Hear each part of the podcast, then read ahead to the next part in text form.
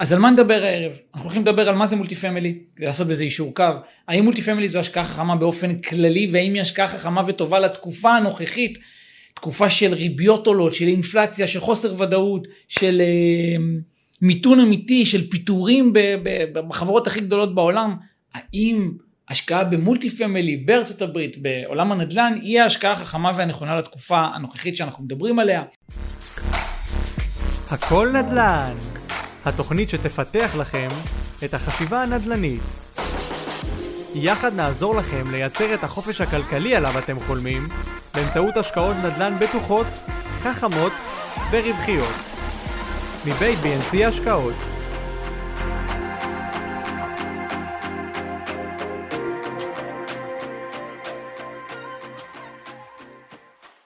טוב, הערב אנחנו הולכים לדבר על סוג נכסים להשקעה בארצות הברית שנקרא multi family. אה, אה, הבאז הזה שיש בשנים האחרונות סביב סוג ההשקעה הזה שנקרא multi family, אנחנו נדבר על מה זה, אה, איזה סוג השקעה זאת, האם היא נכונה לתקופה הזאת, האם היא נכונה לכל משקיע פרטי, האם היא, האם היא באמת השקעה חכמה וטובה. זאת אומרת, אני יודע שזה מדובר כל כך הרבה ובכל מקום, ו, וחשוב, חשוב להבין מהי ההשקעה הזאת, האם היא נכונה עבור כולם, האם היא באמת רלוונטית לכולם, האם היא טובה או שאולי יש פה איזה באז, ואם היא טובה, אז מה בתוך הסוג השקעה הזאת, מה בתוך השקעה במולטי פמילי, מה הם הדברים החשובים שאנחנו צריכים לשים אליהם אה, לב, איזה כללים צריך כדי להוציא עסקה כזאת נכונה לדרך, ו... אה, ו... ומה ההשקעה מה, מה, מה צורת העבודה בתוך ההשקעה ב multi family שמותאמת לתקופה שלנו, התקופה המיוחדת. אז על מה נדבר הערב? אנחנו הולכים לדבר על מה זה multi family, לעשות בזה יישור קו. האם multi family זו השקעה חכמה באופן כללי, והאם היא השקעה חכמה וטובה לתקופה הנוכחית, תקופה של ריביות עולות, של אינפלציה, של חוסר ודאות, של אה, מיתון אמיתי, של פיטורים בחברות הכי גדולות בעולם. האם השקעה ב multi family בארצות הברית, בעולם הנדל"ן, היא ההשקעה החכמה והנכונה לתקופה הנוכחית שאנחנו מדברים עליה.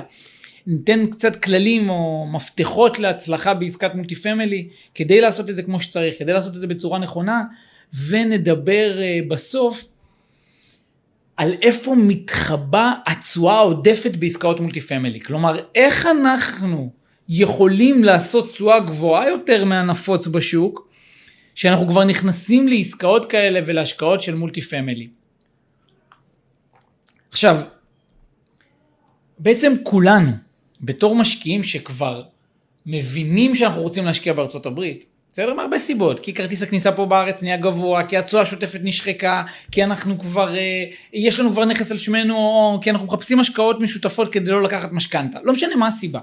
בסדר? אני רוצה להשקיע בארצות הברית, יש בנדל"ן למגורים, עומדות בפניי שלוש אופציות מרכזיות. רכישה של בית פרטי, מה שנקרא single family, החלום האמריקאי אה, כהשקעה, בסדר? לרכוש בית פרטי, לא משנה איפה, אה, לא נדבר על זה הערב, זה אופציה אחת. האופציה השנייה זה השקעה ב condo, בבניינים, בסדר? לקנות דירה בבניין, אה, כמו דירה ש...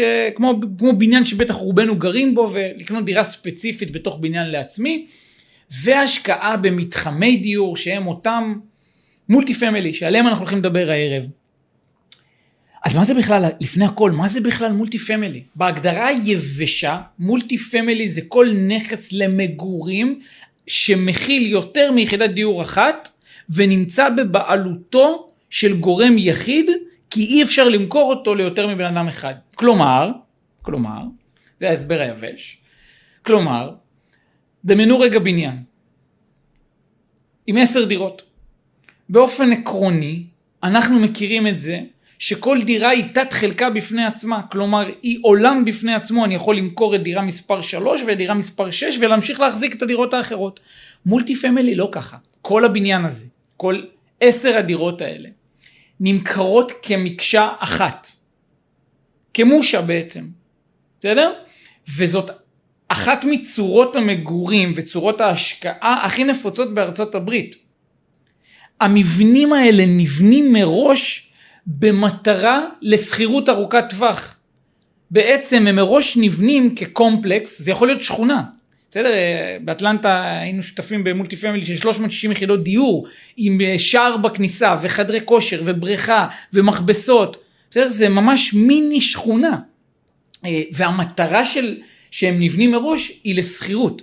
כלומר, מראש בונים את אותם נכסים שאי אפשר למכור יחידה אחת מתוך הקומפלקס, או יחידות בודדות, ומראש בונים אותם שהם יצאו להשכרה. ולכן הם כוללים בתוכם יש המון דרגות ורמות של multi family וגדלים, אבל לכן הם כוללים בתוכם הרבה פעמים המון facilities, המון מתקנים, כמו אותם מכבסות, חדרי כושר, אה, חללי עבודה משותפים, וכו' וכו' וכו'. בסדר? עכשיו, הסוחרים מאוד אוהבים את המתחמים האלה. כי יש להם שם חברת ניהול שמתקנת להם כל דבר שצריך, כי יש להם שם את כל אותם שירותים נוספים, כי מראש הם יודעים שלא יוציאו אותם משם ומראש המבנים האלה משמשים לשכירות ארוכת טווח ולהפך, ירצו שהם יישארו שם, ירצו שהם אה, אה, אה, ימשיכו לגור שם ולכן הם, העסקאות האלה, המבנים האלה, הם, השוכרים מאוד מאוד אוהבים אותם. ולכן יש להם ביקוש גבוה לשכירות. אז זה בהגדרה שלנו, או, או, או איך אני ככה רואה את העולם הזה של multi family, וחשוב לי להדגיש כבר פה, שהשקעה ב multi family היא אחת מצורות ההשקעה הכי נפוצות ואהובות, קודם כל על בנקים, ועוד מעט נדבר על זה, וגם על גופי ההשקעות הכי גדולים בעולם. בסדר, הכסף שלנו, בצורות כאלה ואחרות איכשהו גם מגיע תמיד למולטי פמילי דרך אה, פנסיות, קרנות השתלמות, קופות גמל, כל מיני גופי השקעות שאנחנו משקיעים דרכם. למה? כי זה השקעה מאוד יציבה, מאוד טובה ומאוד נכונה ולכן זה השקעה מאוד נפוצה על גופי ההשקעות. אבל האם זה בהכרח גם טוב לנו כמשקיעים פרטיים והאם הצורה הרגילה שבה רוכשים נכס multi family שכבר מוכן, עומד, מושכר, שמייצר תשואה שוטפת של חמישה, שישה, שבעה אחוזים, היא בהכרח ההשקעה הכי טובה לנו, ובטח אה, נשאלת השאלה אם היא בכלל נכונה לתקופה הנוכחית. אז בואו נתחיל קודם כל באופן כללי, מלהבין קצת חלק מהיתרונות והחסרונות בהשקעת multi family, בסדר? בואו נתחיל מהיתרונות, יותר כיף לדבר על יתרונות, יותר קל, בואו נתחיל מזה. אז קודם כל multi family, חושב אחד היתרונות המרכזיים בו זה התזרים מזומנים. בסדר? זה צורת ההשקעה שבדרך כלל אפשר לייצר בתשואה השוטפת הכי, הכי גבוהה, ו, אה, והיא מייצרת cash flow למי שמחזיק בה. כלומר, פה זה לא שאלה ברוב המקרים האם המימון יכסה, האם השכירות תכסה את המימון ואת ההוצאות, זה בוודאי שזה ככה, אלא להפך, השאלה הנשאלת היא כמה cash flow אותו נכס מייצר. בסדר? אז היתרון הראשון זה cash flow, תזרים מזומנים גבוה, חזק, אה, שהנכסים האלה אה, מניבים במהלך הדרך. היתרון השני זה פיזור סיכונים. אין לי דלת אחת, לא קניתי בית אחד שאם הוא לא מושכר אז כל ה... בחודש מסוים אז כל ההוצאות, כל העלויות הם עליי ואין לי הכנסה אחרת. פה יש פיזור. אם נכנסתי שותף ב-100 יחידות דיור של מולטי פמילי או 50 או 40 אז אם 1, 2, 3, 4, 10 לא מושכרות עדיין יש הכנסה. אם אחת הושכרה נמוך מדי עדיין יש הכנסה, אם באחת מהן שוכר עושה בעיות עדיין יש הכנסה מאחרות, ולכן יש פה פיזור סיכונים בתוך ההשקעה שלי. היתרון השלישי, אה, שאנחנו מדברים על נכס עם ביקוש גבוה ויציב. בסדר? עכשיו הסברתי בכמה מילים למה נבנה ה multi family, למה יש פה ביקוש גבוה. קודם כל כי השוכרים רוצים את נכסי ה multi family. הסוחרים אוהבים את המתחמים האלה, שם הם רוצים לגור ולכן יש ביקוש גבוה אם בחרתי נכס נכון. המוצר הזה נועד כדי לספק את כל השירותים לסוחרים ולכן הביקוש הוא גם גבוה וגם יציב כי הסוחרים רוצים להמשיך לגור שם, קל מאוד להחליף דיירים בו אמ, וזה מוצר שנועד לשכירות ולשכירות לארוכת טווח ולכן בגלל כל היתרונות שהוא נותן לסוחרים הוא מייצר לנו כמשקיעים מוצר עם ביקוש גבוה ויציב. היתרון אולי הרביעי, חוץ מכל מיני יתרונות מיסוי שלא ניכנס אליהם הערב, זה תנאי המימון הטובים. בסדר? לנו כמשקיעים. קודם כל בנקים מאוד אוהבים את ה... אה, אה, אוהבים לתת מימון למולטי פמילי. בסדר? ובדרך כלל אנחנו נצליח לקבל עליו את המימון הכי זול, בניגוד לאם אני רוצה לרכוש אה, בית פרטי או להשקעות מסוג אחר. ולמה? למה? הבנק אוהב את אותו תזרים מזומנים. הוא יודע שיהיה לו קל מאוד לגבות ולנו כמשקיעים לעמוד בזה שאנחנו צריכים קודם כל לשלם לבנק. אה, הם מחשיבים אותם כסוג העסקאות הכי פחות מסוכנות בעולם הנדל"ן. בסדר? ולכן תנאי המימון למולטי פמילי שמושכר, שמניב קשפלואו, הם בדרך כלל יהיו התנאים הכי הכי טובים שאפשר לקבל. עוד, דבר, עוד אה, עניין בתוך תנאי המימון, זה שזה נכסים שקל בטווח הבינוני והארוך לעשות בהם ריפייננס, לקבל מחזור, אה, נקרא לזה אולי מחזור משכנתה או מחזור של המימון ולקבל תנאים חדשים, התאמה לריביות כל תקופה, משיכה של כסף הביתה כי הנכס נהיה שווה יותר, אני לא ארחיב על זה עכשיו, אבל שוב, יש פה המון משחק בתוך הסוג נכסים הזה של משחק עם ההלוואות והמימון. אם אני רוצה תקופה מסוימת ליהנות מקש גבוה, אז אני יכול לעשות רק תשלום של ריביות. בסדר? מה שכנראה לא כמעט ולא אפשרי לעשות בעסקאות מסוג אחר. אם אני רוצה לעשות ריפייננס אז מאוד מאוד קל לי, ולכן יש פה תנאי מימון מאוד מאוד טובים ונוחים. היתרון הנוסף אולי שככה ניגע בו רק במשפט, זה שדמי השכירות פה, חוץ מזה שדיברנו עליהם שהם קבועים ויציבים, הם גם עולים. בסוג הזה של העסקאות באופן קבוע יש איזשהו אה, שניים שלושה אחוזים עלייה בשנה שקורים כל הזמן וגם בכלל מי שככה יוצא לו קצת לצפות ולשמוע את ה... וובינר ביום ראשון, דיברנו המון והראינו את הגרפים על כמה שוק השכירות בארצות הברית יציב גם במיתון, גם במשברים. לא רק זה, הוא לרוב או שנהיה פלט ולא עולה, או שממשיך לעלות. כלומר, אין כמעט זמנים שבהם הוא ירד, חוץ ממשבר הסאב פריים שהוא משבר מאוד ייחודי, אבל לא נרחיב על זה עכשיו. ולכן היתרון הנוסף זה דמי שכירות שעולים באופן קבוע. מה, כפועל יוצא מזה, גם שווי הנכס עולה באופן קבוע. מה החסרונות דרך אגב? קודם כל החיסרון הראשון שנכסי מולטי פמילי הם הרבה יותר יקרים מלקנות בית פרטי יחיד. אז העלות יקרה, ולכן החיסרון השני זה שכנראה אני לא אהיה בעלים יחיד. אני צריך להיכנס עם קבוצה, קבוצת משקיעים, אה, אה, השקעות משותפות וכולי, כי אני לא אצליח להיכנס באזורים טובים למולטי פמילי של אפילו אה, מספר מצומצם יחסית של יחידות דיור, כי לא יהיה לי את ההון העצמי הדרוש, ולכן אני לא אהיה בעלים יחיד. מה ש... בעצם לוקח ממני הרבה פעמים את המושכות, את היכולת למכור מתי שאני רוצה, לנהל את הדבר הזה כמו שאני רוצה וכולי. אה, החיסרון הנוסף של הדבר הזה, חוץ מהעלויות הגבוהות של הרכישה, כי זה מתחמים גדולים, חוץ מזה שאתם כנראה לא תהיו בעלים יחידים ותצטרכו להיכנס כקבוצה וכוח הניהול לא יהיה אצלכם, שנכסי multi family מנהלים אותם חברת ניהול.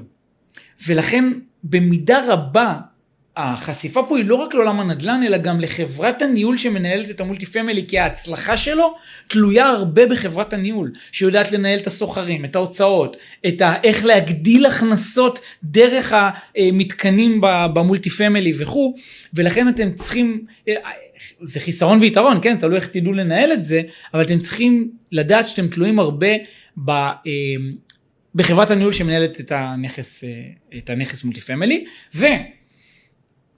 החיסרון הנוסף זה הניסיון הדרוש כדי לעשות עסקאות טובות כאלה. גם פעם אחת לחברת הניהול, לניהול השוטף, בסדר? ואנחנו כמי שאותו משקיע שנכנס להשקעה כזאת או מנהל השקעה כזאת, דרוש לו ניסיון בלנהל multi family, בלנהל חברות ניהול, אבל יותר מזה, צריך להיות מוכנים גם עם הניסיון הדרוש לתחרות שיש על נכסי multi family ולסוג היזמים. בסדר? ואני אסביר את זה פה. כשאני רוצה לרכוש אה, בית פרטי, אני בדרך כלל, התחרות שלי עם יזמים אחרים יותר, עם יזמים יותר בתחילת הדרך שלהם, כי הרוב מתחילים עם בתים פרטיים, עם פליפים על בתים או rental, וכשאני עולה כבר לעסקאות כמו מולטי פמילי, אז היזמים שאני אתחרה בהם הם יזמים יותר מנוסים, יותר ותיקים, עם ניסיון גדול יותר בעולם הנדל"ן, ולכן אני דרוש לפה ניסיון ורמת תחרות גבוהה יותר מסוג, מעסקאות אחרות. אמ, החיסרון הנוסף זה שהחשיפה שלי היא לא רק לעולם הנדל"ן. כמו שאמרתי, היא גם לחברת הניהול ולעוד דברים שהם לאו דווקא רק נדל"ניים. בסדר? כי חוץ מהנדל"ן, אם הוא עולה או יורד, או הסוחרים, יש לי פה מערכת שלמה לדאוג לה. אם זה המתקנים בתוך מתחם המולטי פמילי, ואם זה חברת הניהול, ואם זה הרבה מאוד דברים שאני צריך לדעת לנהל ממש כמו עסק קטן. כי יש פה הוצאות, הכנסות, ניהול וכולי. החיסרון אולי האחרון, ושהוא חיסרון מאוד מאוד קטן, זה סוג הקונים. בסדר? לעומת אה, בית פרטי שקניתי אולי לפליפ, ואני יכול לשחק קצת עם המחיר, או יש כמות גדולה יותר של קונים שמסוגלת לרכוש אותו, ויכולה לבוא משפחה שפתאום אה, מתאהבת בבית ומשלמת לי מעל מחיר השוק. סוג הקונים שרוכשים נכסי מולטי פמילי, במיוחד ככל שהם גדולים יותר, הם אה, גופי השקעות ש... יודעות לנתח עסקאות בצורה מדהימה, יודעות לבדוק בדיוק מה מעניין אותם, ולכן אני צריך להיות מאוד מאוד מוכן לאיך אני יוצא מהעסקה הזאת, למי אני מוכר אותה, מה צריך להיות, כמה זמן הנכס צריך להיות מיוצב, זאת אומרת סוג הקונים שאני, סוג המור... בעצם אני כמוכר, סוג הקונים שאני אתעסק איתם זה סוג קונים מאוד מאוד חכמים, מאוד נכונים, במיוחד בעסקאות גדולות, שאני צריך להיות מאוד בעל ניסיון ומאוד מיומן כדי לדעת איך אני מוכר את הנכס הזה. אלו הם החסרונות. אבל אם אני צריך רגע לסכם את החלק הזה, את החלק הראשון, השקעה במולטי פמילי היא אחת מצורה, מצורות ההשקעה הכי מבוקשות על ידי גופי ההשקעות הכי גדולים בעולם, הכי נפוצות בארצות הברית ולא סתם. אין הרבה דרכים בעולם הנדל"ן לייצר תשואה שוטפת גבוהה כל כך, cash flow גבוה כל כך, אה, יציבות גבוהה כל כך, תנאי מימון טובים כל כך, כמו multi family. אין הרבה השקעות יציבות, קודם כל ברמת השכירויות, ברמת הסיכון, ברמת התנודתיות, כמו השקעה ב multi family. היתרונות בהשקעה, בסוג השקעה הזה, עולות בהרבה על החסרונות, אבל צריך לראות איך עושים את ההשקעה הזאת בצורה נכונה, כי היא דורשת ניסיון, היא דורשת מיומנות והיא דורשת ניהול שוטף בצורה טובה וחזקה, וצריך לראות איך עושים את ההשקעה הזאת ואיך מתאימים אותה לתקופה הזאת. ואיפה בתוך עולם המולטי פמילי מסתתרת אותה תשואה עודפת. בסדר? עכשיו אני רוצה רגע לתת בקצרה שלושה מפתחות שאתם צריכים להכיר להשקעה חכמה במולטי פמילי. לפני שנדבר רגע על התאמות לתקופה ואיפה מסתתרת התשואה העודפת, אני אתן ממש בקצרה רק שלושה מפתחות בסיסיים, שהם המפתחות שיביאו אתכם לעסקה נכונה וטובה ב multi family, וזה לא משנה הגודל שלה. המפתח הראשון, או הדבר הראשון שאתם צריכים לשים לב אליו, זה בחירת שוק נכון. זה נכון תמיד בעולם הנדל"ן, אבל ב multi family זה אפילו עוד יותר קיצוני, ולמה? כשאנחנו מדברים על השקעה ב multi family, אנחנו בעצם מדברים על זה שאני מראש נכנס לעסקה, שאני יודע שבאותם נכסים הולכים לגור שוכרים. ולכן אני רוצה לוודא שאני בשוק עם ביקוש גבוה לשכירות. דיברנו שבוע שעבר פה על דור ה-Y, או אה, דור הגדול, 72 אה, אה, מיליון איש היום בארצות הברית, ומה העדפות שלהם ולאיזה שווקים הם הולכים. פה יותר מתמיד בהשקעות במולטי פמילי אני צריך לדעת שאני מזהה מי אותה אוכלוסייה של סוחרים שגרה באותו אזור, כמה מהם, זאת אומרת, האם זה אזור שיש בו יותר משפחות שרוצות, שרוכשות דירות למגורים, או יותר אה, אה, חבר'ה שמחפשים דירות לשכירויות וכולי. דיברנו על ניו-ארק. אה, בניו ג'רזי שהיא למשל 75% בה גרים דיברנו על זמן המדף של אה, אה, כל נכס להשכרה שמשתחרר לשוק, אני רוצה, בקיצור, המפתח הראשון הוא בחירת שוק נכון. שוק עם ביקוש גבוה וקשיח לשכירות, שוק שיש בו אחוז גבוה של סוחרים וכולי. המפתח השני, הכלל השני שאני רוצה לוודא שאני מבין, זה הבנת, אוקיי, בחרתי שוק נכון, עכשיו אני צריך להבין את סוג המוצר שתואם את השוק. כלומר, איזה סוג נכסי מולטי פמילי אני צריך לבחור איזה סוג דירות, האם זה דירות קטנות או דירות גדולות, האם זה משפחות קטנות או משפחות אה, מרובות ילדים, מה השירותים הנלווים שאותה אוכלוסייה של שוכרי דירות רוצים שמה, האם רלוונטי אליהם מכבסות או לא, האם רלוונטי אליהם בריכה כן או לא, זה סוג האוכלוסייה, בסדר? מה, מה הרמה שלה. אז מהם השירותים? אחד זה איזה סוג דירות, הדבר השני זה מהם השירותים הנלווים הדרושים במתחם, ולא נרחיב על זה עכשיו יותר מדי לעומק, אבל זה המפתח השני להצלחת העסקה, והמפתח השלישי שהוא חשוב ביותר, גם אם בחרתי שוק נכון, וגם אם יש לי מולטי פמילי נכון מבחינת המוצר, אה, סוגי הדירות והשירותים הנלווים, המפתח השלישי להצלחה תלויה בתוכנית העסקית וחברת הניהול, בסדר? כלומר, אני פעם אחת צריך לבחור חברת ניהול שיודעת לנהל, חברה מנוסה, מסודרת, מאותו אזור, ניסיון עם אותו סוג אוכלוסייה ואותו סוג נכסים. בנוסף, אני צריך לבדוק שהתוכנית העסקית למולטי פמילי הזאת נבנתה נכונה. כלומר, לוודא שלקחו בחשבון אחוז נכסים ריקים.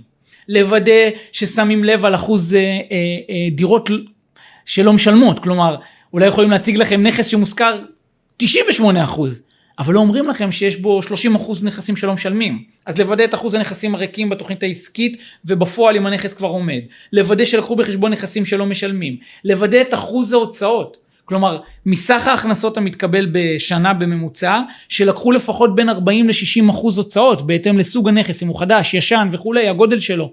בסדר? ול, ולראות שמי שבנה את התוכנית העסקית, בנה תוכנית עסקית יציבה ונכונה, ואם זה כבר עובד, אז לראות בפועל. מה קורה בפועל בשנה האחרונה, ולא רק מה החלומות שרוצים להגיע לשם, כדי לוודא שלא לקחו נגיד מרווח ביטחון קטן מדי בין אחוז ההכנסות להוצאות. אמ, אלו הם שלושת המפתחות, כמובן שיש עוד הרבה דברים, בסדר, ואלה הבסיסיים ביותר, אבל ככה שרציתי לתת לכם, אחד, הבנת בחירת השוק הנכון, שיש בו ביקוש גבוה וקשיח לשכירות, הבנת סוג המוצר, בסדר, גם מבחינת הדירות וגם מבחינת השירותים, ובחירה נכונה של אה, חברת הניהול ותוכנית עסקית חזקה וטובה. אמ, מה שעוד הייתי רוצה ככה לפני סיום, לדבר בקצרה, שוב, אם יש לכם שאלות, דרך אגב, תרשמו, אני אענה אחרי הלייב בכתב על כולם. אמ, גם מי שלא צופה בלייב יצפה בשידור המוקלט אחר כך. לפני סיום, אני רוצה לדבר בקצרה, איפה בסוג העסקאות האלה, בעסקאות ה multifamily, מתחבא התשואה העודפת. ואיך לדעתי כדאי לעשות את העסקאות האלה במיוחד בתקופה הזאת, בסדר? וכדי לענות על זה אנחנו צריכים גם להבין את הבעיה הטמונה בעסקאות multifamily בתקופה הקרובה, כי השוק השתנה, בסדר? מה קרה בשוק בתקופה האחרונה? הריביות עלו, בסדר? אתם יודעים, בואו נעשה את זה רגע ככה. האתגר הגדול ב multifamily בתקופה הקרובה נמצא דווקא ב multifamily שכבר עומדים ומוכנים. כי כשבנו אותם או שיפצו אותם והכינו אותם, לרוב לקחו בחשבון את השוק שהיינו בו בעשור האחרון, או אולי אפילו יותר, שוק של ריביות נמוכות, שוק שהוא קצת שונה מהשוק שאנחנו הולכים אליו בעתיד הנראה לעין. ולכן, אני בדרך כלל אקבל ב multifamily המוכן, א', multifamily שכבר עם תשואה שוטפת יחסית נמוכה, שנשחקה עוד יותר עם הריביות שעלו עכשיו, ותוכנית עסקית שלא לקחה בחשבון ריביות כאלה גבוהות, ואני אצטרך להסתמך על עליית מחירי השכירות ועליית ערך נכס של ה multifamily. ולכן לדעתי, multifamily שכבר עומד ומוכן היום לרוב, לרוב, אלא אם כן יש פה איזו עסקה מאוד מאוד מיוחדת, לא שם נמצאת התשואה העודפת ולא שם נמצאת, נמצא סוג העסקאות הנכון לתקופה הנוכחית. בסדר? איזה סוג עסקאות הכי נכון לתקופה הנוכחית, וזה גם מה שמביא אותי לדבר על איפה מתחבא התשואה העודפת, בסדר? כי זאת הדרך הנכונה להשקיע ב multifamily בתקופה הקרובה. בסדר? על ידי אה, אה, שלוש פעולות. פעולה ראשונה, רכישה מתחת למחיר שוק. ששוק הנדל"ן עובר לתקופת מיתון, הכוח הופך להיות אצל הקונים ולא אצל המוכרים, ולכן נכון, זה נכון תמיד, אבל היום, היום אה, בתקופה הנוכחית יותר מתמיד, אנחנו צריכים לרכוש מתחת למחיר שוק, וזה קיים דווקא יותר רכישה מתחת למחיר שוק בנכסים שצריכים שיפוץ קומפלט, או, או קרקעות לבנייה של multifamily, ולאו דווקא בנכסים המוכנים, שם יותר קשה להשיג קנייה מתחת למחיר שוק. הפעולה השנייה היא ה-add value, הפוטנציאל השבחה, שגם היא תביא אותי לתוצאה הטובה ביותר, או נכס שצריך שיפוץ, קומפלט, multifamily הרוס, לא מותאם לשוק, נכסים לא נכונים, שנבנה לפני המון שנים, או בנייה.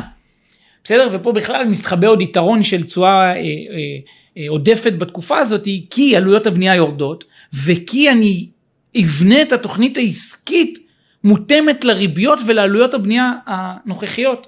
בסדר? לעומת מולטי פמילי שכבר עומד וקיים. והפעולה השלישית שבה מתחבא התשואה העודפת, היא במימון. בסדר? ופה אני לא רוצה להיכנס לזה יותר מדי לעומק היום, אבל יש יתרון וחיסרון ב, אה, אה, ב multifamily. או אתם יודעים מה, נעשה את זה אחרת. יש חשיבות מאוד גדולה לאיך מממנים עסקת multifamily לכל שלביה.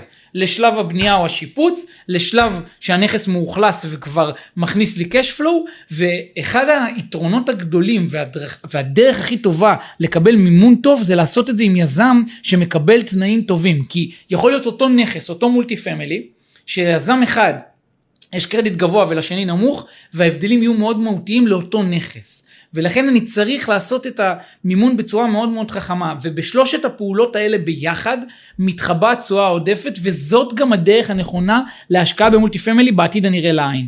בהשקעה ב multifamily שא' נרכש מתחת למחיר שוק, ב' יש בו add value, שזה או שיפוץ או בנייה, וג' ממומן בצורה נכונה, כלומר לוקח בחשבון את תנאי המימון של התקופה הנוכחית, נלקח עם ריבית קבועה, ואני מפסיק את החשיפה להמשך עליות ריבית הצפויות, ועם יזם עם קרדיט גבוה. שלושת הפעולות האלה ביחד, אני מקווה שעשיתי את זה מספיק קצר וקולע, יביאו אותנו לתשואה העודפת, לעסקאות multifamily הכי נכונות לתקופה הנראית לעין. ואם אני צריך לסכם את זה בשני משפטים.